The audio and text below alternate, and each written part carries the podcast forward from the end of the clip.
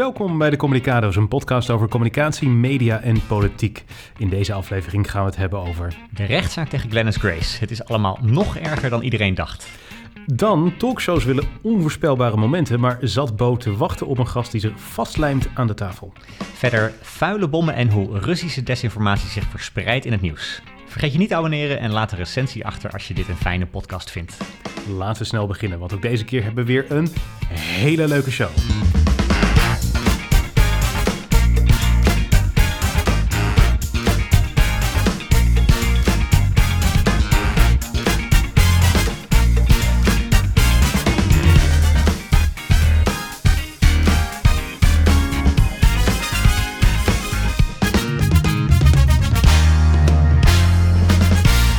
Victor, het is tijd voor je Victory Lab.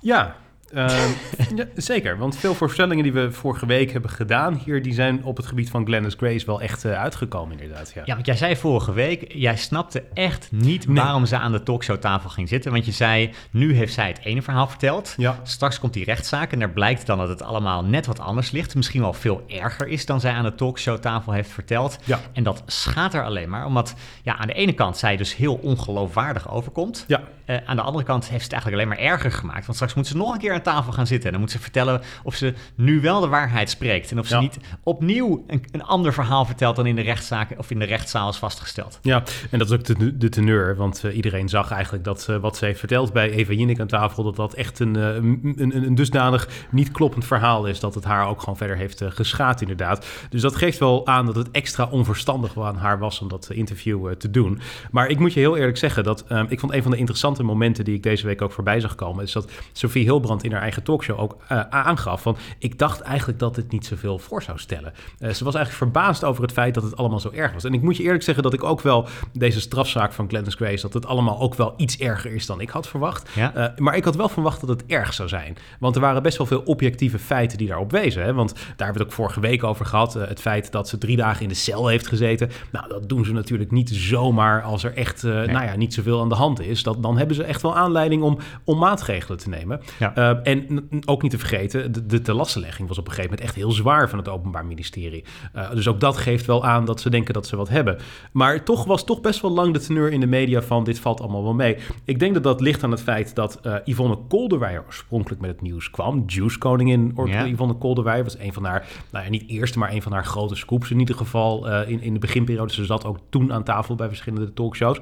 En dat misschien daardoor mensen dachten van, misschien is het allemaal wat uit zijn verband getrokken. Maar ja, nogmaals, dat blijkt niet het geval te zijn. Ik denk een andere reden overigens is dat mensen ook heel goed Glennis Grace kennen in die talkshowwereld. En misschien daarom, vanwege, nou ja, noem het maar vriendjespolitiek, maar dat ze daarom misschien een klein beetje hebben onderschat hoe erg dit allemaal is. Dat ze misschien dachten van, nou, dat zou Glennis nooit doen. Uh, maar Zo dat kennen we haar niet. Ja, precies, ja. precies. ja. ja.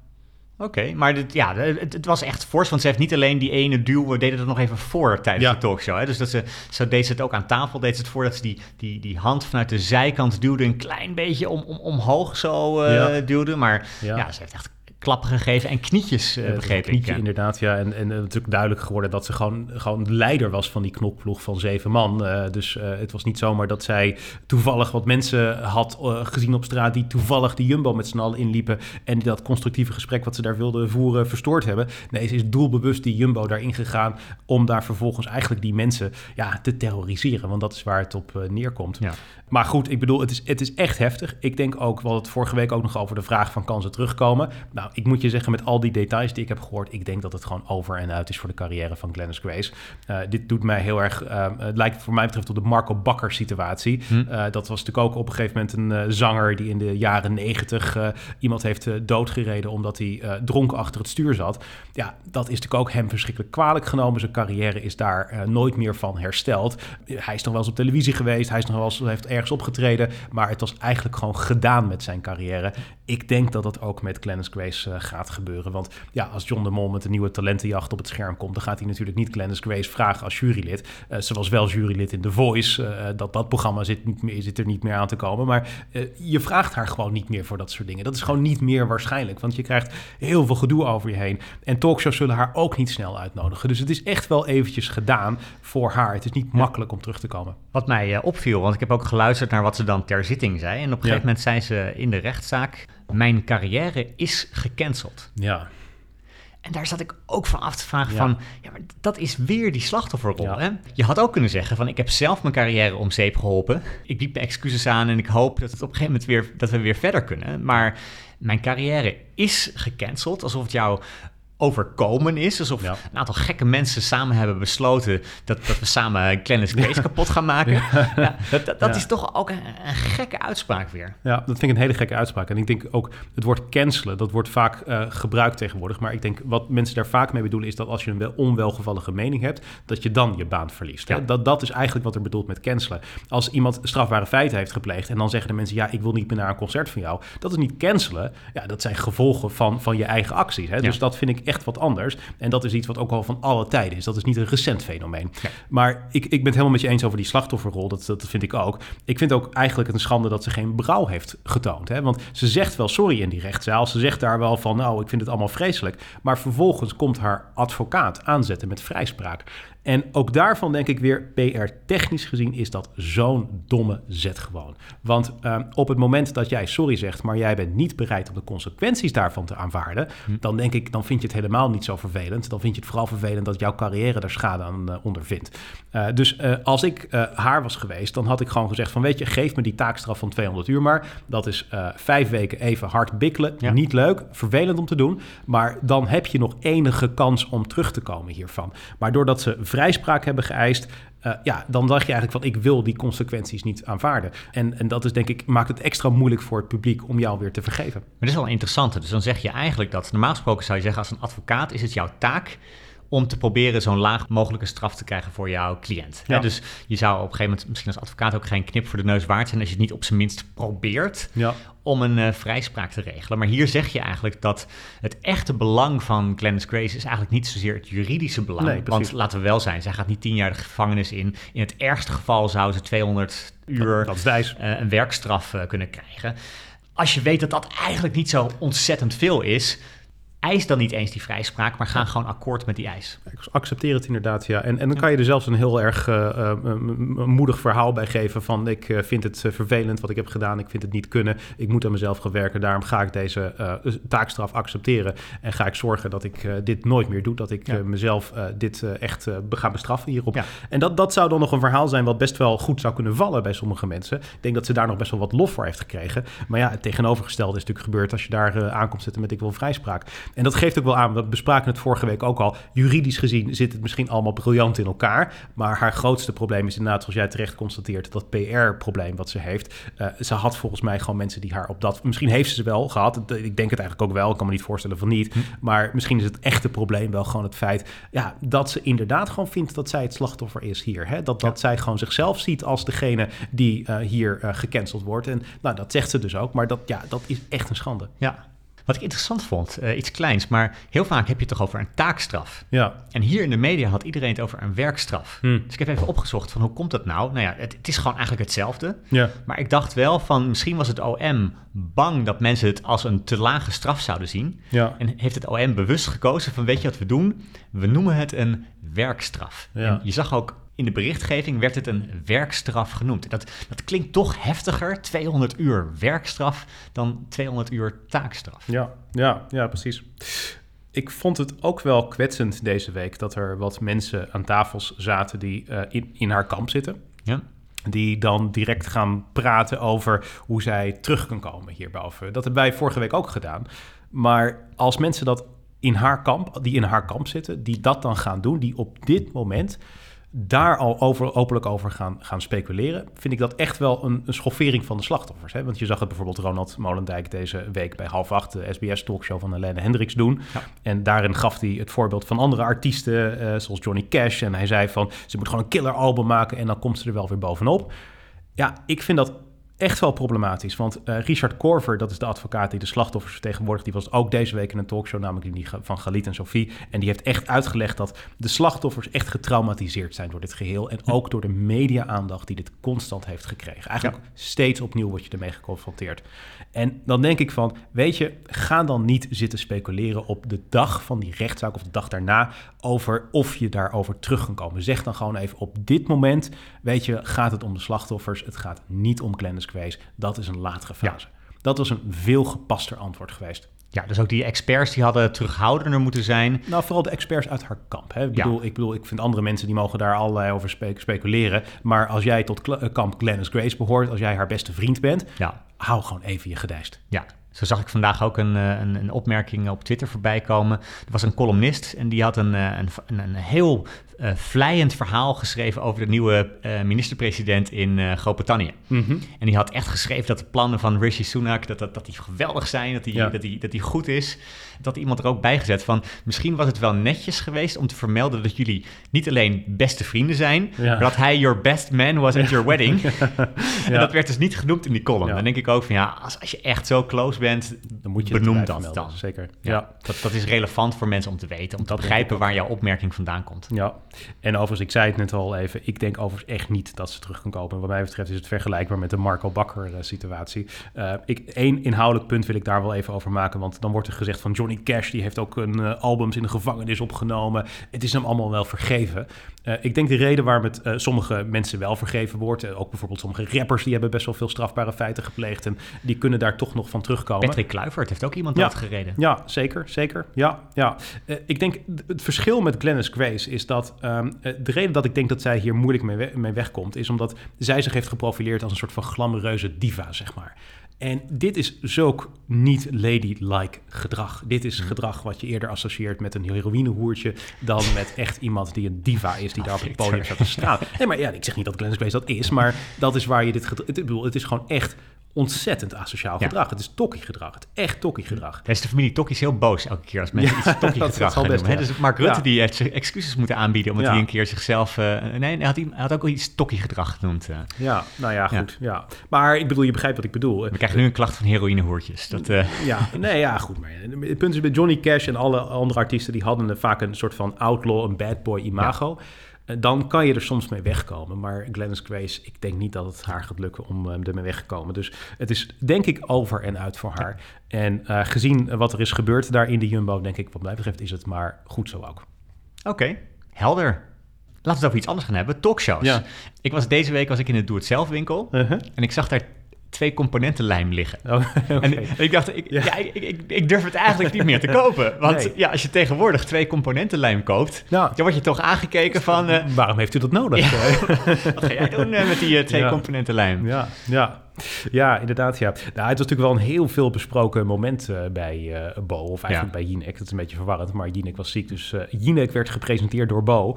Maar talkshows willen onvoorspelbare momenten, dat is zeker zo. Um, dat weet ik ook uit eigen ervaring.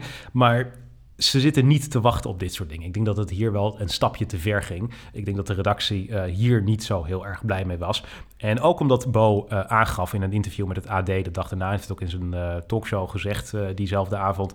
Het was best wel eng, want je ziet op een gegeven moment die activist, die is heel zenuwachtig. Ja. Hij, hij, hij grijpt op een gegeven moment naar zijn borstzak. En weet je, als je niet weet wat er gaat gebeuren, dan is er toch de angst van wat gaat hij daar uithalen? Is het misschien iets erger dan alleen twee componenten lijm? En die angst kan ik me wel voorstellen. Ik kan me voorstellen dat hij en misschien sommige mensen daar achter de schermen het als bedreigend hebben ervaren. En dat maakt dit toch wel een hele ernstige situatie, eh, ja. denk ik. Ja, nee, dat zie ik ook wel. Dat je toch wel denkt van wat gebeurt hier? Ja. Ik zag daar een foto voorbij komen. Dit, dit is dezelfde man die ooit naakt op een campagneposter stond. Hè? Dus dit was de lijsttrekker van de Piratenpartij in Amsterdam. Ja. Met de boodschap inderdaad, ook jij hebt toch niets te verbergen. Uh, ook, ook weer zo'n activistische boodschap. Ja, ik vind het ook een manier van activisme bedrijven die heel erg narcistisch is. Het is echt een manier om te zeggen, ik, ik, ga, ook met, ik ga me vastlijmen aan een talkshowtafel. Kijk mij eens even het klimaat redden. Het gaat meer om hem dan om het klimaat. Het is echt zo van, de spotlight staat op mij. Ik vond het ook heerlijk daar volgens ja, mij. Ik, heb daar een dubbel gevoel bij. Want ik, ik denk, ik worstel er zelf mee. Mhm. Van wat doe ik om te zorgen dat het vaker over het klimaat gaat? Dat er iets wordt gedaan aan de, de klimaatcrisis. Want we zien met z'n allen dat, dat de planeet uh, te gronden wordt gericht door ons allemaal. Ja. En dat er tegelijkertijd veel te weinig aan wordt gedaan. Heeft de VN ook deze week nog geconstateerd. Hè? Er is no credible path om die anderhalve graad nog te halen. Dus we doen volstrekt onvoldoende. En dan vind ik het heel gemakkelijk om mensen te bekritiseren die, hoewel je misschien je ergert aan bepaalde acties, toch in ieder geval proberen er aandacht voor te krijgen. En je zag ook wel dat, dat er deze week eigenlijk meer dan de afgelopen jaren bij elkaar aandacht was aan de talkshowtafels voor het klimaat. Hè? Dat Ja, de klimaatwetenschappers werden uitgenodigd, waar ook inhoudelijke discussies over het klimaat werden gevoerd. Maar dat sluit ook aan op wat we vorige week bespraken. Want jij zei toen ook van het, het werkt waarschijnlijk wel. Ik ben nog steeds wel geneigd om het daarmee eens te zijn. Ik denk inderdaad dat je dat radical flank effect dat dat wel zo is. Eh, je zag het heel goed in actie, want eh, zowel eh Bo als Galit en Sophie hebben hele uitgebreide klimaatgesprekken gehad. Die Ja. ook echt over de inhoud gingen. Dus ja, het heeft wel een effect inderdaad, ja. Ja, ook al ben je het misschien niet altijd eens met het middel, het Ja. doel was wel heel goed. En ja, doe het maar. Hè. Dus, dus dit- je hebt ook wel, ik snapte ook wel een beetje dat hij zenuwachtig was. Want eh, Dat ja, snap ik ook wel, ja. Ik, ik, ja, ik heb wel vaker eh, dingen op televisie gedaan, maar ik zou, ik zou echt eh, behoorlijk eh eh, peentjes zweten als, als ik daar op een tafel zou gaan zitten met twee seconden lijn. ja Hoe, oef- hoe oefen je dat überhaupt? Want het, het lijkt me best Ja. lastig om dit te oefenen. Want ja, dan heb je geoefend, dan zit je vast aan een tafel. Ja, Dat- klopt. Ja, hij had het ook niet zo goed geoefend, bleek ik, want hij, hij schoof er wel heel makkelijk Het was niet zo heel Van, stevig dat vanaf. hij, vast Ja. zat, inderdaad. Ja. Ja. Ja. Ja. precies. En op een gegeven moment werd het ook een beetje ongemakkelijk. Want op een gegeven moment zat hij maar op die tafel en wist hij ook niet precies wat hij daar moest eh, doen. En het programma ging ook maar door. Eh, het was best wel ongemakkelijk om dat eh, te zien, ja. Ja. Ja. Het viel me op dat hij de dag daarna niet in een talkshow zat. Wel in het journaal en wat andere programma's waar hij quotejes voor had aangeleverd. Hij zat de dag daarna ook wel in België in een talkshow. En twee dagen later zat hij bij Galit en Sophie. Ik weet niet wat ik daarvan vond. Ik vond het eerlijk gezegd wel oncollegiaal van Galit en Sophie. Ik denk dat ze hem niet hadden moeten uitnodigen. Dit is iemand die toch wel de grenzen is overgegaan. Eh, je gaat wel iemand belonen die toch wel vrij radicale dingen... waar ze echt ook niet op zitten te wachten doen. Ja? Uh, nogmaals, die angst bij Bo, die was, was daar aanwezig. Uh, die vind ik ook echt wel En begrijpelijk. daarvan waren ze op de hoogte toen ze hem in de Ja. studio uitnodigden. Ja, Ja, zeker. dit was al twee dagen later. Exact, ja. Dus uh, als ik uh, de baas was bij uh, Jinek en bij Bo, dan, dan zou ik denk ik wel even een boos belletje plegen met je even knie bij Galit en Sophie. Toch wel zeggen dat ze dit als oncollegiaal zien. En toch even advocaat van de duivel. Die, die talkshows die waren toch ja, super blij. Ik snap, ik snap op het moment zelf even dus de, de, de angst bij zo'n Bo. Hè? Maar Ja. Dit was de best bekeken aflevering van, uh, van de maand, geloof ik. Uh, Nou, dat valt wel mee hoor, want uh, Eva Jinek heeft de week daarvoor met uh, Glennis Grace een hoger aantal Ja. kijkers getrokken. Maar je hebt wel gelijk dat het goed bekeken was. Het is ook zeker een veel besproken moment, dat is absoluut waar. Ik denk, dus, ik denk dat het te ver ging, dat ze daar niet blij mee waren. Maar wat ik wel grappig vind is, waarom beïnvloedt dit de kijkcijfers? Schandalen, ophef. Mensen hebben het er online over. Maar waarom zijn de kijkcijfers die avond hoger? Niet om de reden dat jij denkt namelijk. Oh, nee, uh, Wa- waarom denk jij dat ze hoger zijn? Nou, ik, ik, denk dat mensen uh, op Twitter iets voorbij zien komen of sociale ja, media en dan op, op, dat moment de televisie aanzetten. Nee, zo werkt het niet. Ah, ja, maar dat zag ik namelijk wel gebeuren. Want ik, ik zat het fragment terug te kijken. Ja. En op een gegeven moment zag je, hij was net bezig om op die tafel te klimmen. En op, net op dat moment kwam er heel strategisch geplaatst een groot logo met de hashtag uh, Jinek in beeld. Zeker, ja. Want de redactie toen dacht van, mensen, mensen, wat je ook doet, pak je telefoon, pak Twitter Ja. en laat de rest van de wereld weten dat er hier iets bijzonders aan het gebeuren Laat ze is. vaak zien tijdens het programma. Dat doen ze wel, om die Twitterwaardige momenten te hebben. Maar dat is niet de reden, want het- zijn vrij weinig mensen die op Twitter zitten. En het zijn ook vrij, mensen, vrij weinig mensen die dat al snel zien, zeg maar. Dus Hm. er zijn mensen die dat misschien een uur later zien, maar dan is het moment, dan is het programma al niet meer op Ja. eh, zender. Nee, de, de reden is eigenlijk veel, nou het is, niet, het is niet heel veel complexer, maar het is iets complexer. Eh, het beïnvloedt de kijkcijfers, want de kijkcijfers waren inderdaad een stukje hoger van Bo dan ze normaal gesproken zijn op het dinsdagavond. Ja. Omdat mensen niet wegzeppen.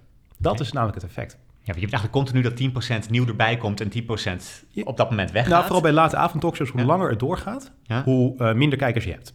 Mensen gaan naar bed. En zeker dat reclameblok, daar moet je mensen overheen tillen. En wat is nou een van de geniale dingen?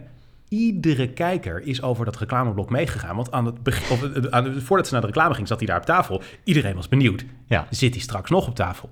Hoe gaan ze dit oplossen? Het is het best bekeken reclameblok uit de geschiedenis die van Jinek. adverteerders die hebben ontzettend veel waar voor hun geld gekregen. Ja. Maar dat is dus waar de kracht van dit soort momenten... mensen ze durven niet weg te zeppen. Dus ik heb dat ik ook in het verleden... eh, eh, dat was een veel, veel minder groot eh, moment dan dit. Maar mijn kleine Lucille Werner momentje... daar in het legendarische programma De Vijf Uur Show.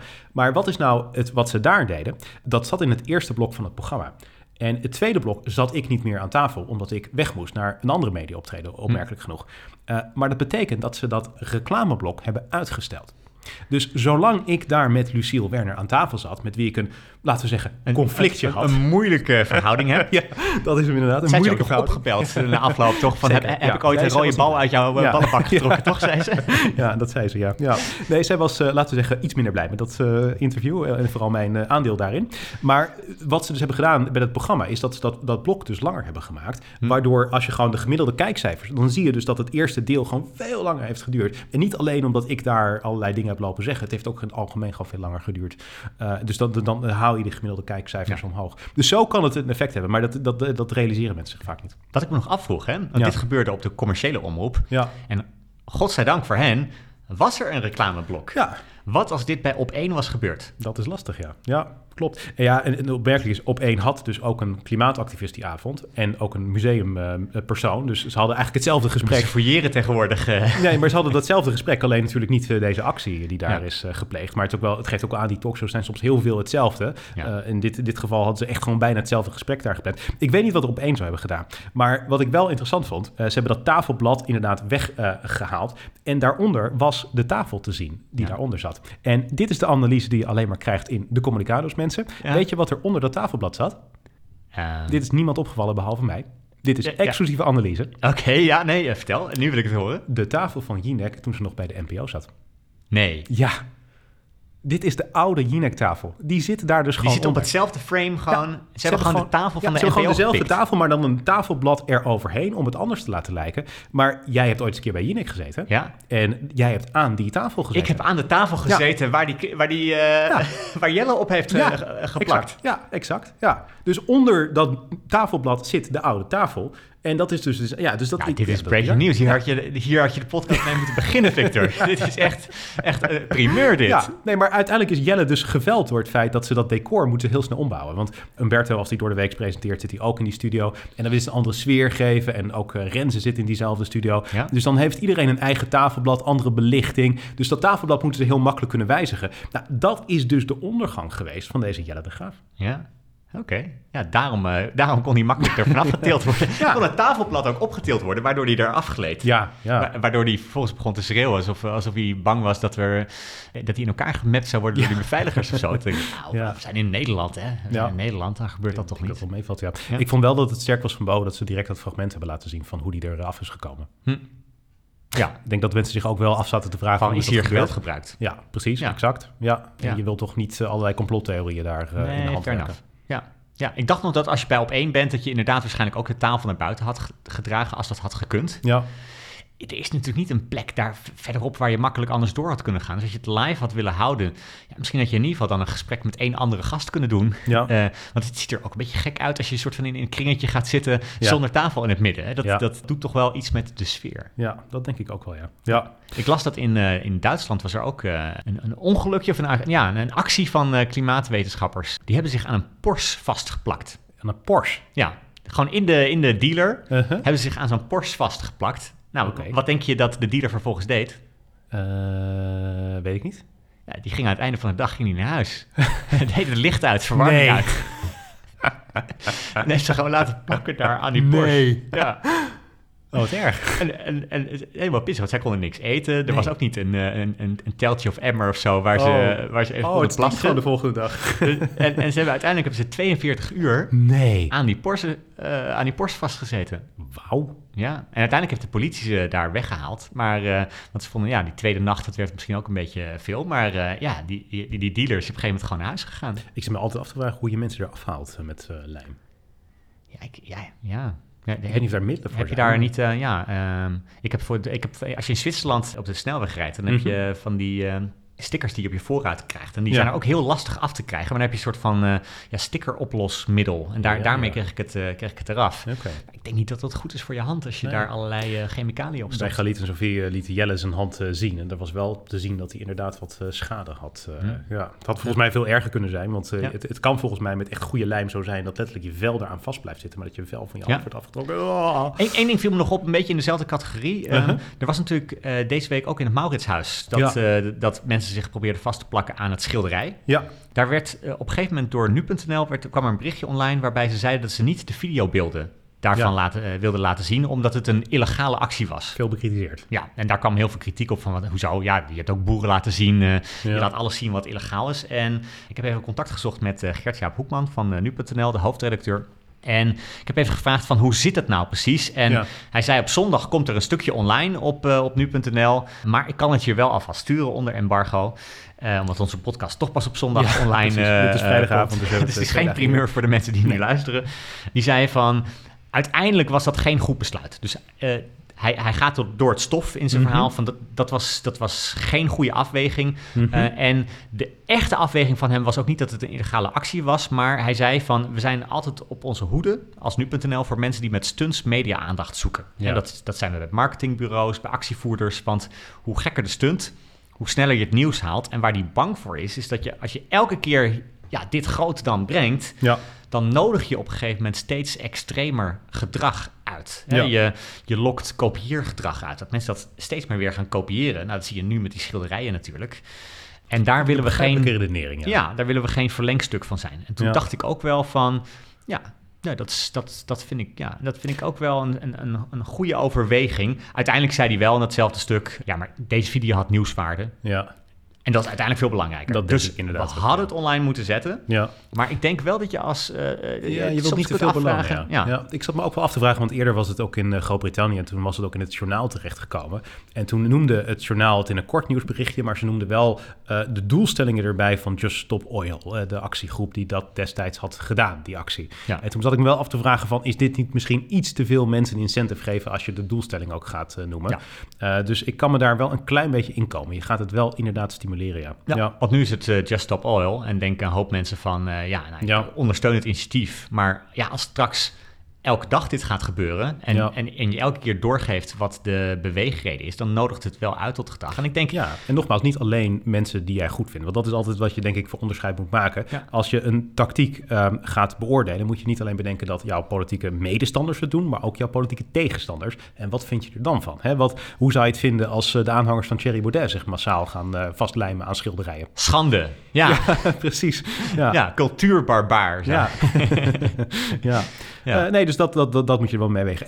Anyway, goed. Laten we doorgaan naar de nieuwe rubriek... waar ik echt ontzettend enthousiast van was. Ik, ik, ik, ben, ik heb echt nog lang nagenoten, moet ik wel eerlijk bij zeggen... over jouw bijdrage aan de rubriek. Ik ben nog steeds gewoon plezierig verrast. Ik had niet verwacht dat er zo'n goede analyse uit zou komen. Ik, nou, ik kreeg hele wisselende reacties. Ik, ik kreeg mensen die zeiden, wat, leuk, iets anders. En ik kreeg mensen van, Lars Stop hiermee, alsjeblieft. Nou ja, oké. Goed, we gaan het zien. Hè? We gaan het zien. Oh, ik heb uh, ook, ook een aantal hele... Er zijn, er zijn mensen die het echt hartstikke leuk vinden, maar misschien gaat het niet werken. We gaan gewoon kijken. Maar het is dus de rubriek de TV-tune van de week. Elke week laten we je een legendarische TV-tune horen uit mijn collectie... die volgens het Guinness Book of World Records maar liefst 1876 uur, 2 minuten en 52 seconden aan muziek bevat. Oh, nu heb je wel de cijfers ja, erbij. ik heb het er maar even bij. Maar dit is wel minder dan de vorige keer volgens mij, of? Uh, het is 172 dagen. Oh, dus, het omgerekend is wel 172 eh, dagen. Gewoon, ah, wat goed. Precies, ja. Zeker. Oké, de tune van deze week is die van Hart van Nederland uit 2006. En dat is direct heel erg leuk, want die tune is gecomponeerd door Martijn Schimmer. Hey. En Martijn Schimmer heeft natuurlijk ook een andere tune op zijn cv staan. Nou, volgens mij wordt dit de tweede keer dat we tijdens de podcast de naam van onze eigen podcast noemen. Hij heeft de tune gemaakt van De Communicado's. Ja, precies ja. ja. Waar we trouwens heel veel, uh, veel positieve reacties, Veel positieve reacties daarop. Mensen zeiden van we luisteren de podcast eigenlijk alleen maar om die tune te kunnen nou, horen. ik vind het dus jammer dat er geen podcast award zijn voor beste tune. Ja. Dat zou toch leuk zijn? Ik zou onze podcast direct gaan insturen. Maar goed, dat is er allemaal niet. Dat is heel jammer. Misschien nog in de toekomst. Maar goed, Hart van Nederland 2006 tot 2012. Zo lang is die gebruikt. Die heeft hij ook gecomponeerd. Het is denk ik de bekendste tune van Hart van Nederland. En het is wel leuk. We gaan het straks ook hebben over het audiologo wat daarin verwerkt zit. Om direct duidelijk te maken dat je naar SBS 6 aan het kijken bent. Ik heb overigens veel nieuwstunes met Alexander Klupping besproken. Maar nog nooit een tune van SBS 6. Dus dat heb ik bewaard voor jou. Lars. Je dacht, eh, met, met iemand die wat meer SBS 6 kijkt, wil ik, wil ik nou, Volgens mij kijken zowel jij als Alexander niet heel veel naar SBS 6. Maar goed, laten we luisteren. Daar komt hij, de tune van Hart van Nederland.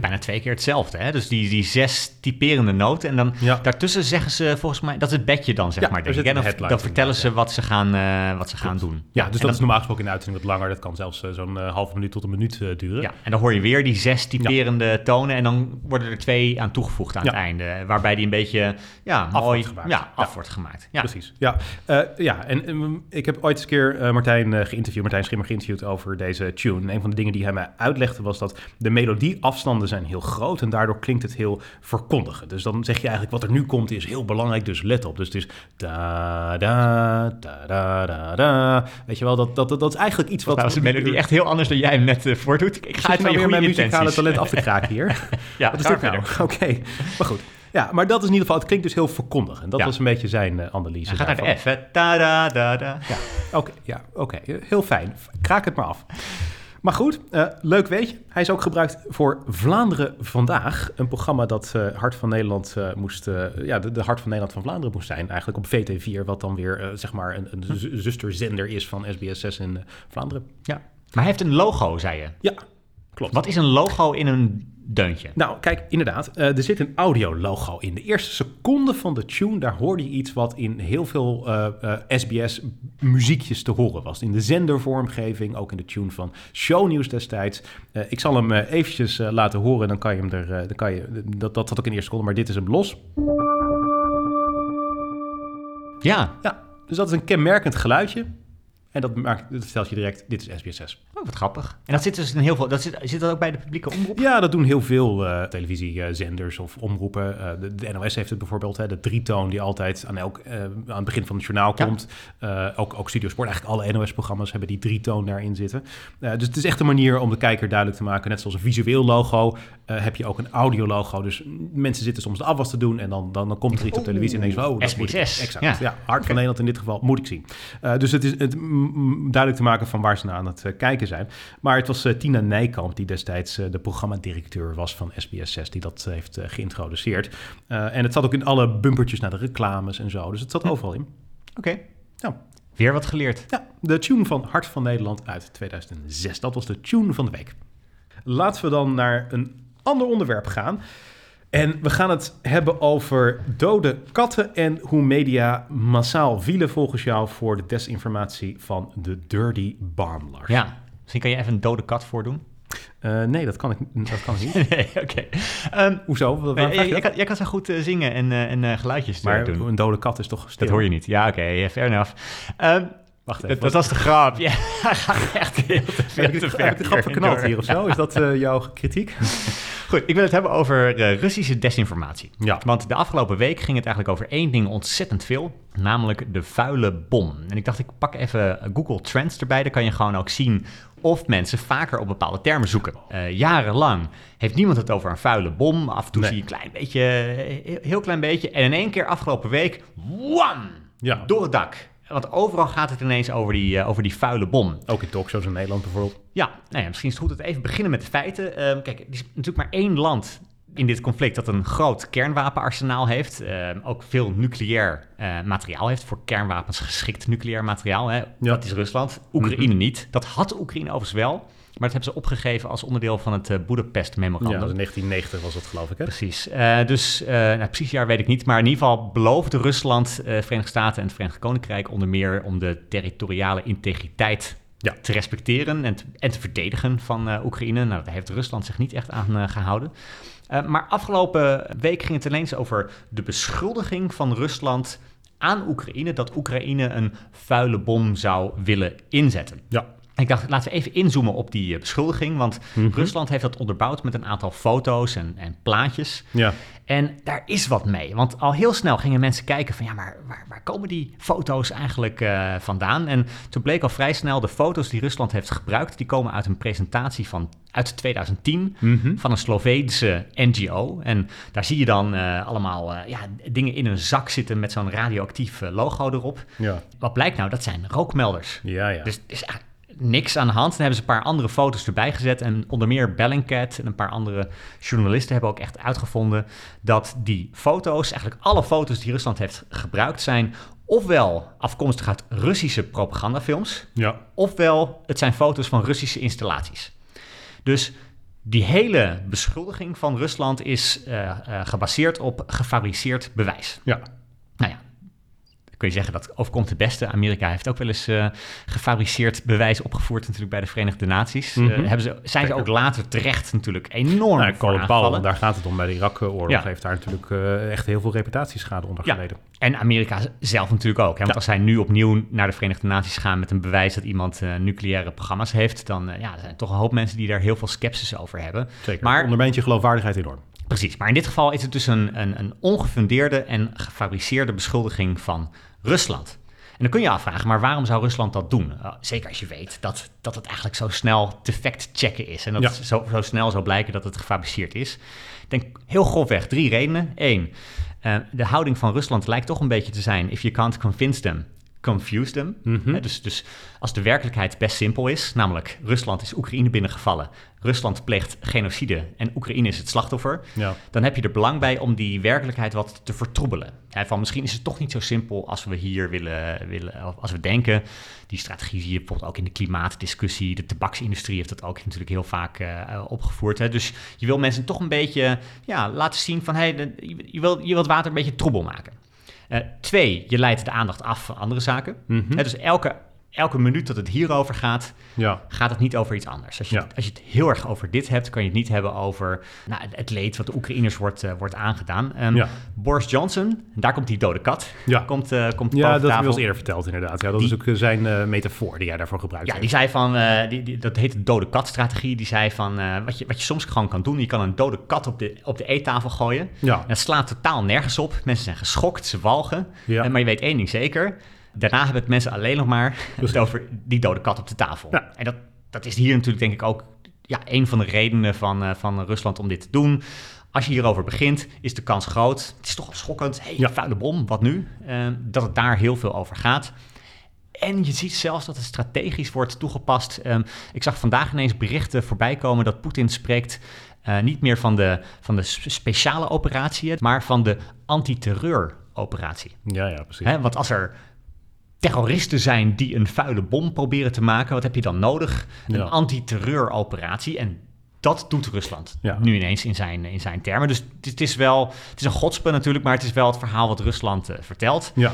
En dat is wel vaker gedaan. Elke keer zie je dat er eigenlijk een stuk rood vlees wordt gegooid naar, naar alle media toe, naar ons allemaal toe. Van kijk eens hier, iets groots, engs. Uh, of het nou over nucleaire wapens gaat, of dat, het, dat er ineens de beschuldiging wordt gedaan dat Oekraïne Bucha zelf in scène heeft gezet. Hè? En in één keer gaat het daar dan heel erg over van is het wel of niet in scène gezet? Heeft Oekraïne nou wel of niet nucleaire wapens? Precies, maar is dat is duidelijk natuurlijk, hè? want het is ook een, behalve een oorlog die, die mensenlevens kost, het is ook een information war, hè? een oorlog om informatie. En, en dat, dat is natuurlijk ook een, een kant van, van het gevecht wat Rusland probeert te winnen daar. Dus dat, dat, daar is dit onderdeel van. Ja, en toen zat ik me af te vragen, hoe kan je hier ook journalistiek het best mee omgaan? Want wat ik zag bijvoorbeeld, is dat ik ben een groot fan van factchecks. Mm dus, dus je moet dingen checken je als... groot fan? Want ik bedoel, ik denk dat iedereen op zich ervoor is dat uh, de waarheid uh, wordt uh, gecheckt. Waarom ben je groot fan van Nou ja, ik, ik vind het goed dat je, dat je als, als medium zeg maar checkt van klopt iets wel of klopt iets niet. Denk je dat en ze werken, even ja. tussendoor? Nee, heel vaak werken ze niet. Nee, waar ben je groot dan? Nee, om, omdat ik toch wel vind dat je als journalistiek een poging moet doen... om mhm. niet alleen te beschrijven wat mensen zeggen... maar om te kijken hoe het nou daadwerkelijk zit. Ja, dus ik ben ook een fan van onderzoeksjournalistiek van Follow the Money en, uh, en andere nieuwsuur die dingen echt gewoon uh, echt uitzoeken. Dus daar ben ik een fan van. Ja, ik alleen... zie me gewoon terug waar de emotie vandaan komt. Ja, maar, dat, alleen... maar, volgens mij zit er ook een component in, dat is de reden waarom ik erop reageer, van uh, je vindt het leuk om je... Want ik denk dat alles gedicteerd wordt door vrij basale emoties. Volgens mij heel veel mensen die factchecks lezen in NRC, die vinden het ook leuk om zich beter te voelen dan al die stomme PVV-kiezers. Want kijk, zij vergeloven in desinformatie. Ik geloof daar niet in, want ik ben gewoon beter. Dat is hoe mensen vaak denken. Dat is vaak die facts leuk zijn voor sommige mensen te lezen. Nee, dat denk ik niet. Overigens is uh, eh, NRC Next had natuurlijk en NRC ook die, een, echt een fact-check rubriek. Daar zijn ze mee gestopt omdat ze zeiden van, dat moet je niet, de nee, factchecks moet je niet delegeren tot, tot een rubriek. Dat moet iets zijn wat je eigenlijk in alle journalistiek probeert ja. te voeren. Ben ik het ook weer mee Nee, maar ik, bedoel, ik vind nogmaals, ik vind ook eh, de waarheid achteraan vind ik een heel goed idee. Hè? Dat is ook de taak natuurlijk van de journalistiek. Alleen, ik reageerde even op jouw woorden, ik ben er groot fan van. Ja, oké. Nou, maar ik, ik, ik ben ook een groot fan van Ajax. Ja, nee, maar dat vind ik nog begrijpelijk. Daar zit emotie in. Oké. Oké, maar ik, dacht nu gaan we, ga jij een discussie voeren over of ik, of ik fan mag zijn van Ajax. Nee, je maar, mag fan zijn van Ajax. Ik heb maar dat, dat is een normale uitspraak.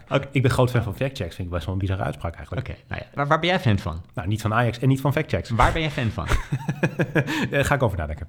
Ik, ik, ik, zou namelijk niet kunnen bedenken waar jij. Ik ken jou best goed. Waar ben jij fan van? Ja, ik ben heel veel dingen fan je, ben, van. je bent fan van Apple en van sporten. Van de sportschool ben je tegenwoordig fan. Ik, ik zit hier op een keer een t-shirt uh, tegenover jou zit, uh, zeg je dat nu? Ja. Nee, maar ik, ik ben zeker fan van Apple. Ik, maar ik ben ook best wel fan van heel veel andere dingen hoor. Maar noem één ding. Nou, waar, waar, waar, ik, ik ben fan van Breaking Bad. Ah, van series. Ja, bijvoorbeeld. Okay. Maar okay. en dat vind je, dat vind je... Oké, maar ik ben fan van factchecks.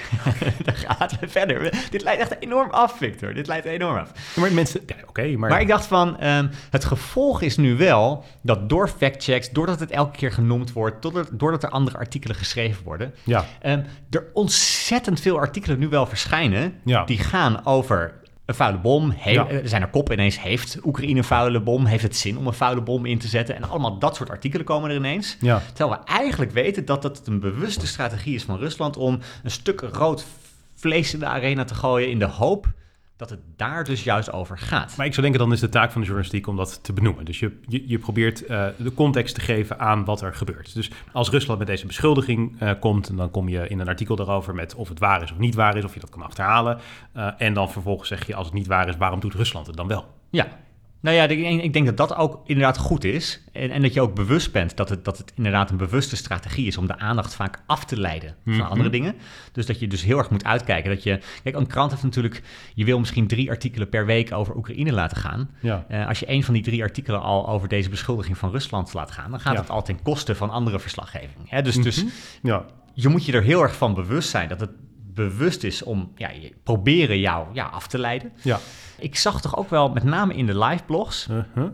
ik ben geen fan van, van Dat live blogs. stokpaardje wat ik al heel vaak heb gehoord, maar leg het op- vooral op uit. Site, sites dat, dat heel vaak eh, deze week dingen eh, eh, genoemd werden. Bijvoorbeeld vandaag op de, op de live blog van de Volkskrant ging het over inspecteurs die Ja. naar Oekraïne gaan namens de atoomwaakhond, hè, de IAEA. Die, die gingen daar naartoe om te checken of er een vuile bom is. Ja. Maar in dat hele stuk werd niet genoemd dat eigenlijk al vaststaat dat de beschuldiging zelf in ieder geval gebaseerd is op gefabriceerd bewijs. En ik denk, van ja, dat is, dat is niet netjes. Hè, dus Staat je, het niet in andere artikelen? Ehm, ik heb goed gekeken vandaag, want je vroeg het eerder vandaag ook van staat de Volkskrant, heeft de Volkskrant het niet eerder bericht?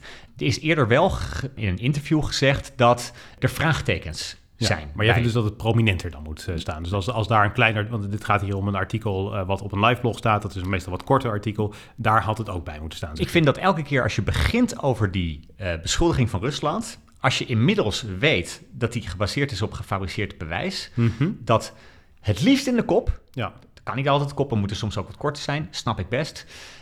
Maar in ieder geval zo snel mogelijk, je noemt dat de beschuldiging zelf gebaseerd is op gefabriceerd bewijs. ja. Dus eigenlijk zeg jij, het moet in de kop, het moet het liefst eh, zo snel mogelijk genoemd worden, het liefst in elk artikel. Nee, het liefst in de kop, Oké, ik snap het. Maar in ieder geval zou je het wel moeten noemen. Als Ja. elke keer als je begint over die beschuldiging, Ja. zou je dat wel... Is het, is, doe je eh, recht aan de, aan, de, aan de werkelijkheid. En dan Ja. doe, je, doe je ook je, je lezers, bied je daarmee het beste wat je kunt bieden... als je ook daarbij vermeldt dat dat inmiddels dus blijkt... dat het gebaseerd is op een gefabriceerde, Ja. eh, gefabriceerd bewijs. Dit is een trend die je heel erg ziet in de journalistiek. Hè? Dus er zijn heel veel mensen die hier mee bezig zijn, met, met, met nadenken over van hoe zorg je dat de boodschap overkomt bij de, de, de, de luisteraar of de lezer of de kijker of wat dan ook. En daarom worden heel veel eh, technieken uit de, nou ja, soms politieke communicatie, de marketing gehaald om die boodschap beter te laten beklijven. Ik heb daar Ja, dat één... is dit niet hoor, denk ik. Maar ja, ga verder. Hoe bedoel je? Waar- ik- dit is geen politieke techniek. Dit je is, een dit is de- kernboodschap Dit is de essentie van journalistiek. Dat Ja, je, z- zeker, maar de dat manier je als jij probeert te vertellen hoe het zit. Zeker, maar ik bedoel, jij, jij zegt van het moet misschien zelfs in de kop. En dan denk ik direct aan van je hebt je kernboodschap als politicus. En daar ga je direct heel veel op herhalen. Maar nogmaals, oké, als je het niet zo ziet, maakt niet veel uit. Maar eh, dat soort technieken worden heel erg toegepast. En ik heb er wel één punt wat ik er tegenover wil plaatsen, waarom ik er net wat minder fan van ben. En eh, dat is dat ik denk dat we soms de neiging hebben om de inhoud te veel plat te willen slaan. Met als gevolg dat je de inhoud ook te veel versimpelt. En versimpeling heeft twee nadelen. Uh, soms is de werkelijkheid gewoon aanzienlijk complexer en doe je daarmee geen recht aan de werkelijkheid. Want ik begrijp jouw punt en ik geloof jou ook dat uh, Rusland geen bewijs heeft hiervoor en dat het waarschijnlijk een totale leugen is die bedoeld is om te ontregelen. Maar het feit dat het bewijs niet klopt, betekent niet dat de beschuldiging misschien wel degelijk klopt. Hè? Dat zou het geval kunnen zijn. En nogmaals, daar ga ik niet van uit en daar ga ik niet in mee. Alleen mijn punt is dit. Als dat in één op de duizend gevallen wel zo is... en jij hebt als media steeds daar gezegd van... deze beschuldiging, uh, die is uh, met gefabriceerd bewijs geleverd... als de teneur steeds is, dit klopt niet... dan is dat hetgene wat mensen eraan overhouden. En als dat dan niet blijkt te kloppen... dan is dat zo'n moment dat jouw geloofwaardigheid volledig wordt ondermijnd. Ik nee, denk dus dat je het tegenovergestelde moet doen... en accepteren dat de werkelijkheid complexer is. Je daar niet iedereen in meekrijgt, want je moet er echt even dan voor gaan zitten om het te begrijpen. Maar dat is wel uiteindelijk wat je nodig hebt. Want ik denk het simpel maken van al die dingen heeft ertoe geleid dat de journalistiek vaker de fout in is gegaan met tekort door de bocht gaan en dingen zeggen die later niet bleken. Maar dan zou ik toch een, een onderscheid willen maken tussen twee dingen. Je kunt als de Volkskrant zeggen: Oekraïne heeft geen vuile bom. Ja. Dat zou ik niet doen. Hè, want dat, dat kun je nooit met 100% zekerheid stellen. Nee. Eh, je kunt wel stellen dat de beschuldiging van Rusland gebaseerd is op gefabriceerd bewijs. Ja. En, en, en dat zelfs als dus het tegenovergestelde blijkt, dat er dus wel een foute bom blijkt te zijn, ja. dan nog klopt ja. jouw, jouw statement dat het gebaseerd is op gefabriceerd bewijs. Maar de discussie bij ons gaat erover, moet het in elk artikel, moet het zelfs het liefst in de kop. En dat is dus waar ik denk van nee, want dan ga je dus die grens over dat het activistisch van toon gaat worden. Dan wil je dus mensen heel erg sterk sturen naar een bepaalde boodschap. En als er dan toch iets niet aan blijkt te kloppen, dat algemene gevoel van mensen zal dan zijn, zie je wel, de journalisten hadden het weer fout. Nou, weet ik niet. Nee. Maar volgens mij moet je... Kijk, als iemand een beschuldiging doet zonder te onderbouwen... dan zou je eigenlijk volgens mij altijd moeten zeggen... X beschuldigt, komma, zonder bewijs komma. Dat vind ik activistisch. Dat, nee. ja. Het is al, maar stel je voor dat er een Kamerlid is die een ander Kamerlid uitmaakt voor pedofiel. Nee, ja, maar, en dan, volgens jouw redenering is er misschien een kans van 1 op 1000 dat die persoon inderdaad een pedofiel is. Nee, want dat is, nee, maar toch dat, zou je dat, nooit in een kop mogen zetten. Klopt, maar dat is één persoon. Dus dat, dat is natuurlijk een hele andere situatie. Dus dat, dat zou, ik bedoel, de consequenties van die beschuldiging zijn gigantisch. En het is ook nog eens een keer één persoon en wie weet wat voor gek uh, dat uh, roept. Uh, het gaat mij erom dat een regering van een land het hier zegt. Hè. Dat vind ik echt wel een, een, een heel belangrijk verschil. Uh, nogmaals, ik ga erin mee dat het waarschijnlijk niet klopt. Alleen je moet rekening houden met het feit dat ze hier wel gelijk hebben. En ik denk dus, en dat is denk ik een van de problemen die ik wel zie als een probleem op dit moment met de journalistiek. Door alles plat te slaan, moet je ook gewoon steeds een invalshoek kiezen en dus een standpunt innemen. En dat is iets waarvan ik denk dat is gevaarlijk, jongens, want je kunt ernaast zitten. Maar wat nou als, uh, laten we het even concreet maken. Ja. Want jij zegt het verschil is of een land het zegt of een individu het zegt. Niet per se, er zijn meer, onder, er zijn meer criteria. Uh, wat als Rusland zegt dat Rutte een pedofiel Ja, nee, dat natuurlijk niet.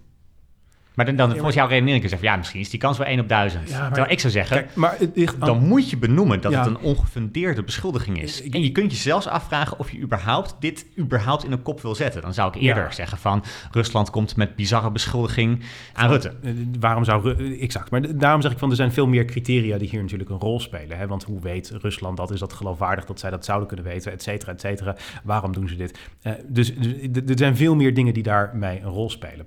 Uh, maar daar, ik zeg alleen van, jouw vergelijking van een Kamerlid die iemand een pedofiel noemt, gaat niet één op één op. Uh, het is uiteindelijk zo dat Rusland een regering is en daarom iets meer zeggingskracht heeft. Maar nogmaals, ik bedoel, uh, ja, het, het, gaat mij alleen even om de, de inhoud versimpelen is iets wat we te veel doen in deze tijd. We moeten mensen, en dat ging een aantal jaar geleden toen mensen meer kranten lazen, nog veel beter. Tegenwoordig is veel te veel informatie via de televisie verstrekt. Toen mensen kranten lazen, waren we beter als bevolking in het doorgronden van die complexe onderwerpen dan dat we dat tegenwoordig zijn. En ik denk dat dat iets is wat de democratie ondergaat, want het is niet zo simpel als we vaak denken dat het is, of als we zouden willen dat het is. Ja, maar ik bedoel, we gaan niet meer kranten lezen dus, dus dan, dan nee, ja, die kans. ik denk dat mensen, of mensen lezen nu meer dan vroeger, alleen minder kranten. Uh, ze, lezen, ze, lezen, nu heel veel tweets en uh, sociale media dingen. Ik, ik denk dat je, uh, dit gaat over wat de essentie van journalistiek is, wat mij betreft. Dat, je, de, dat je feiten benoemt. Maar goed, daar hebben we dus een verschil van mening over. Mogen we naar het laatste onderwerp? Nou, jij hebt er daar wel naar uitgekeken, volgens mij. Nou, ja, een beetje wel. Kijk, in Amerika zijn natuurlijk de midterm verkiezingen, 8 november. Ja. En die zijn wel spannend in de zin dat het echt een beetje 50-50 is. Het Huis van Afgevaardigden, dat gaat waarschijnlijk naar de Republikeinen. Dat is nu in handen van de Democraten. Maar in de Senaat, als je naar de voorspellingen daar kijkt, dan kan het echt beide kanten opgaan. De Democraten willen het graag behouden, maar de Republikeinen maken echt een grote kans om ook die, um, die, de Senaten te pakken. En dat betekent dus dat ze het hele congres hebben. En dat betekent dat ze Joe Biden volledig kunnen dwarsbomen uh, in de laatste twee jaar van zijn eerste termijn. Maar in één staat zijn er senaatsverkiezingen die ik erg interessant vind, omdat het het meest bizarre debat is wat daar afgelopen week heeft plaatsgevonden, wat ik in ieder geval echt ooit gezien heb. John Fetterman is daar de democratische kandidaat. Dat is een man, hij is kaal, hij is stevig, hij heeft allerlei tatoeages en hij draagt voornamelijk hoodies. Uh, kortom, er wordt vaak gegrapt, hij ziet eruit als een republikein. maar hij heeft wel enorm linkse standpunten, want hij is echt van de Bernie Sanders vleugel van de partij. En er is een verhaal over die tattoos, hè? want hij was burgemeester van een kleine plaats en elke keer als iemand vermoord werd, dan liet hij die naam op Ja, de datum uh, was het specifiek ja. Liet hij tatoeëren. Klopt, ja. Dus het is wel iemand die uh, begaan is met de publieke zaak. Maar wat heel erg triest is eigenlijk, hij heeft zijn voorverkiezingen bij de Democratische Partij gewonnen in mei. Vier dagen voordat hij die verkiezingen won, die voorverkiezingen, heeft hij een herseninfarct gehad. En naar nu blijkt is dat een behoorlijk ernstig herseninfarct geweest. Hij zat in de auto met zijn vrouw en op een gegeven moment kon hij niet meer praten en, en zag zijn vrouw dat hij een deel van zijn gezicht niet meer kon bewegen. Dus die heeft hem direct naar het ziekenhuis gebracht. Dat is waarschijnlijk zijn redding geweest. Maar hij is drie maanden niet in de openbaarheid verschenen. Iedereen zat zich natuurlijk af te vragen hoe gaat het. Zijn adviseurs zeiden dat het goed ging. Maar afgelopen week moest hij dus debatteren. En dit was het eerste moment dat hij zonder script op het podium stond en ondervraagd mocht worden door een uh, moderator en natuurlijk zijn tegenstander. En dat is overigens Dr. Oz. En die zou je kunnen kennen omdat hij zijn eigen televisieprogramma had. Vroeger was hij te gast bij Oprah. Je had Dr. Phil. En, en Dr. Oz. Dr. Oz. En uh, nou, Dr. Phil is natuurlijk van de psychische kant en Dr. Oz was van de lichamelijke kant. Beide hebben ze een televisieprogramma gehad, beide erg succesvol. Maar Dr. Oz is de tegenstander, de republikeinse tegenstander van John Fetterman. Groot Trump-fan ook, geloof ik, toch? Zeker, ja. Hij is, uh, Trump steunt Dr. Oz. Ja, dat zijn twee handen op één buik. Ja, zeker. Uh, maar goed, hij moest dat debat dus doen. En het is een dramatisch debat geweest. Echt een dramatisch debat geworden. Wat, waar het eigenlijk op neerkomt is dat hij constant de verkeerde woorden gebruikte. Hij brak zinnen halverwege af. Er zaten heel veel ongemakkelijke stiltes in. Hij trad ook niet echt in detail, gaf vooral hele brede antwoorden die niet echt een antwoord gaven op uh, de beschuldiging die hij soms uh, naar zijn hoofd uh, kreeg toegeworpen. Ja. En dat, ja, dat doet mensen natuurlijk enorm veel zorgen baren. Want de vraag is, is deze man nog wel in staat om zijn functie uit te oefenen als senator? De Democraten kunnen hem niet meer terugtrekken. Ze zitten vast aan hem. Maar ja, de, de, de, recensies waren vernietigend. Even om ze erbij te pakken. Political Playbook, dat is uh, nou ja, gewoon de, zeg maar de site als het gaat over uh, de, de politiek in de Verenigde Staten. Uh, zij schreven, let's state the obvious. John Fetterman struggled to effectively communicate during his one and only Senate debate with Mehmet Oz. En later zeiden ze, the plain fact is that Fetterman was not capable of debating Oz. Ja, als dat de recensies zijn, dan weet je wel, dan heb je een probleem. Ja, en het, kijk, daar tegenin hoorde ik ook wel het verhaal van... ja, maar hij is altijd heel open juist geweest. Ja. Uh, over, uh, over wat hem is overkomen. Hij heeft ook wel interviews gegeven... waar hij toch wel zijn verhaal goed kon, uh, kon neerzetten. En zijn dokters en andere experts zeggen ook van... Kijk, zijn denkvermogen is goed, ja. maar hij is herstellende van het hartinfarct. En specifiek zijn vermogen om te luisteren, snel te luisteren... Ja. en zich goed uit te drukken... Het is een probleem met... Ja, dat is achteruit gegaan. En met dat auditieve is nog verwerking, zoals ja. ze noemen. Dus hij begrijpt gesproken taal eigenlijk niet uh, goed meer. Wel geschreven tekst. En dat is de reden waarom hij alles laat uh, transcriberen. En dat gebeurde ook tijdens dat uh, debat inderdaad. Ja. dus dat is hoe die... In, dat, dat schijnt wel weer de goede kant op te gaan. Maar is Fetterman geschikt? Hè? Want dat is dus het allerlastigste aan. Dat, dat moeten de kiezers daar nu beoordelen. de artsen van Fetterman zeggen ja, hij is in staat om zijn functie uit te oefenen. Maar ja, tegelijkertijd, die artsen mogen niet uh, een interview uh, geven en de medische gegevens worden ook niet vrijgegeven. Dus het is moeilijk om dat uh, te controleren. En daarnaast, een ziektebeeld voorspellen is natuurlijk hartstikke moeilijk in een individueel geval. Je ja. weet nooit precies hoe het met iemand gaat aflopen. Ja. Wat volgens mij voor, vooral dan het probleem is van hem, is dat het nu een referendum over hem lijkt te worden. Terwijl ook zijn tegenstander, Dr. Je, had, een paar hele gekke uitspraken tijdens dit debat. hij had een blunder op het gebied van abortus, begreep ik. Dus dat hij... Maar het is gewoon zo'n celebrity-kandidaat die geen politieke ervaring heeft. En dat is gewoon al vaker een probleem geweest voor beide partijen, maar ook zeker voor de Republikeinen inderdaad. ik heb het punt ook al vaker gemaakt. Volgens mij moeten celebrities niet de politiek in. Politiek is echt een vak. En behalve Trump zijn er heel veel mensen die daar zich hebben op een stuk gebeten. Hij is een beetje de, de, de Lucille Werner is hij ja, van, de, van, van, Pennsylvania. goed, ik heb toch inderdaad ook wel onmaskerd dat Lucille Werner inderdaad volstrekt niet capabel was voor dat En dat is overigens ook echt wel gebleken, mag ik trouwens zeggen. Maar dat is dus ook... As heeft heel veel problemen, maar inderdaad John Fetterman ook. En het draait inderdaad, zoals jij terecht zegt, om hem. En wat ik ook wel interessant vind, is dat er een, dis een discussie over vindt in de samenleving. En die wordt dan ook weer gehijacked door een aantal mensen die zeggen van... ja, maar het is ableist om zijn handicap ter discussie te stellen. Het is wat? Ableist. Wat is dat? Ja, je hebt dus uh, racist, je hebt sexist en je hebt ableist. Dat is dus dat je discrimineert, dat je mensen met een handicap discrimineert. Ja, dus het wordt nu gezien als een handicap. Eh, en op het moment dat je het, is, het is een handicap, hè? dus hij kan gewoon niet goed uh, luisteren. Oké, maar dus op het moment dat je daar hem op bekritiseert, ben je eigenlijk gewoon gehandicapt aan het beste. Ja, dat, dat is inderdaad wel de kritiek, ja. Er is ook een uh, verslaggever van NBC die eerder een interview met hem had gedaan. Dat interview ging best wel goed, maar zij zei in het verslag na afloop in het avondjournaal... Uh, in de small talk vooraf had ik het idee dat hij me niet echt begreep. En die zin, het was echt één zin, het was een observatie die ze kennelijk had uh, van NBC. Dat is gewoon mainstream nieuws in de Verenigde Staten, niet rechts of niet links. Uh, tenminste, rechtse mensen zien het als links, maar het is mainstream. Ja. Uh, en het punt is een beetje, als dat inderdaad zo klopt, hebben natuurlijk de kiezers wel het recht om dat te weten. Het is niet per se, ja, ik, ik, ik, ik vind het bizar dat er dan zo'n nieuwe term wordt geïntroduceerd. Zeg van ja, we mogen niet discrimineren tegen mensen met een handicap. Terwijl voor de kiezers van Pennsylvania is het natuurlijk wel van belang om te weten of hij goed kan functioneren natuurlijk. Hè? En dat ja, praten en luisteren is wel een belangrijk deel van je werk als politicus. Dus ik zeg niet dat ze niet op me moeten stemmen. Maar ik zeg, ze hebben het recht om dat te weten. Ja, moet je niet als, uiteindelijk als kiezer van Pennsylvania op een gegeven moment ook gewoon je afvragen of je uh, denkt dat hij in staat is om te stemmen bij als er straks een nieuwe rechter benoemd moet worden bijvoorbeeld. Uh, ja. En andere belangrijke besluiten die uh, daar liggen. Ja. Ik kan me heel goed voorstellen dat je uiteindelijk wil je vooral iemand die meestemt met de democraten in, in de Senaat. Hè? Dus het, is, het is ook weer niet dat je gouverneur bent als senator of zo. Nee, hè? maar het is wel zo dat uh, je um, meer doet dan alleen maar meestemmen met je partij. Want je kunt wel bijvoorbeeld uh, een militaire basis binnenhalen als je dat uh, handig doet. En dat kan een hele economische impuls geven aan jouw staat. Dus handig lobbyen voor jouw staat, dat, dat is wel zeker iets wat je, nou ja, goed, geen windeieren oplevert. Ja. Ja. En dat zou niet mogelijk minder goed kunnen doen. Ja, maar dit wordt, wordt in die zin spannend, want het lijkt 50-50, ja, ja, 51, 49 John Fetterman stond iets voor inderdaad op uh, Dr. Oz, maar uh, dat kan veranderen inderdaad. En sowieso de peilingen zijn natuurlijk een beetje lastig, want in het verleden 2020 en 2016 hebben we gezien dat de democraten een, een, een, een, een grotere voorsprong hadden in de peilingen dan in de uitslag. Dus we moeten ook maar zien hoe dat op, afloopt. Maar het is ja. in ieder geval een van de meest spannende races. Ik vind het een fascinerende strijd. 8 november gaan we het weten. Ja, Zullen we naar de rubriek Vraag het Fik en Lars gaan? Top. Ja, we hebben weer meerdere vragen. We hebben heel veel vragen. Ja, dit is de rubriek waarin we elke week één vraag van de luisteraar beantwoorden. In deze onzekere tijden zijn wij jouw bron van wijsheid gratis en voor niks. Je kunt ons een vraag stellen door een mailtje te sturen naar vraaghetvikanlars.gmail.com. Dat mag een vraag zijn om advies, om onze mening of iets persoonlijks en zelfs impertinents. De vraag van deze week komt van Daan. Hij schrijft, hoi Vic en Lars, allereerst wat een ongelooflijk lekkere intro-tune dit seizoen. Maar ik skip de complimenten verder, anders begint Victor iets erg te erg te stralen. Ik herken hier een patroon. Hoezo? mensen vinden jou volgens mij zelf ingenomen. Ja, maar dat is echt niet het geval. Jij bent veel meer zelf ingenomen dan ik. Nee, nee. nee alleen, waarom beginnen mensen hierover? Omdat jij het gewoon verbergt. En die mensen zijn niet goed in staat om daar doorheen te trekken. oh, je kijkt neer op onze luisteraars? Nee, helemaal niet. Alleen ik denk dat als, als hij gewoon... Ik denk dat hij, ik denk dat hij gewoon aan de jonge kant is. En dat hij nog niet, zeg maar, het, menselijke kennis heeft... om, om daar door jouw act heen te prikken. Daan, ik ben ontzettend blij met jou.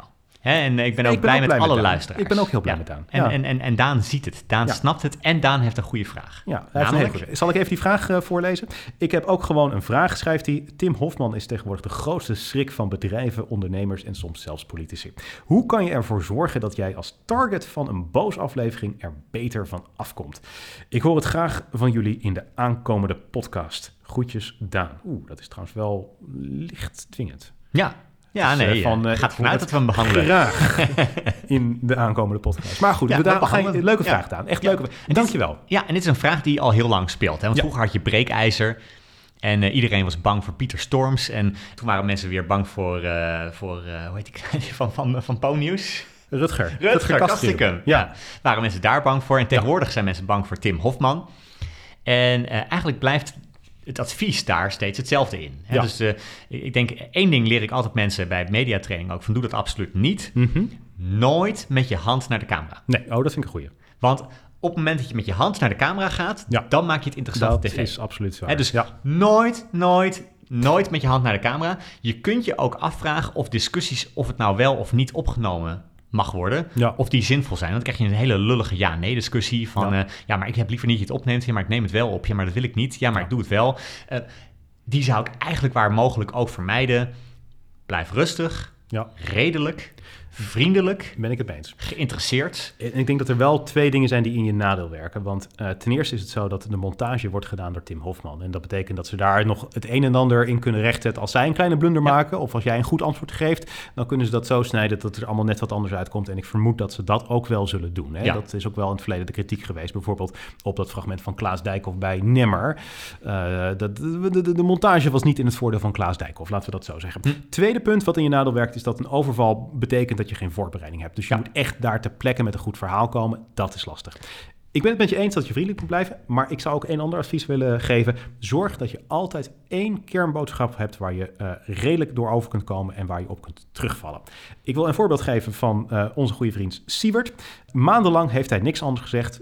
Wat heeft hij gezegd, Lars? Uh, het rapport zal mij vrijpleiten. Ja, we wachten het onderzoek van Deloitte af. Met, met in vertrouwen. Ja. We kijken met vertrouwen. Precies. We ja. wachten gewoon het onderzoek. Dat, dat, dat kan je kernboodschap. We wachten gewoon het onderzoek af. Wij hebben er vertrouwen in. Maar uh, dat, dat kan je gebruiken om alle vragen te ja. pareren. Dus laten we dit eens even direct in de praktijk uh, brengen. stel dat jij Tim Hofman bent en ik ben Siebert. Stel mij eens even een lastige vraag, Lars.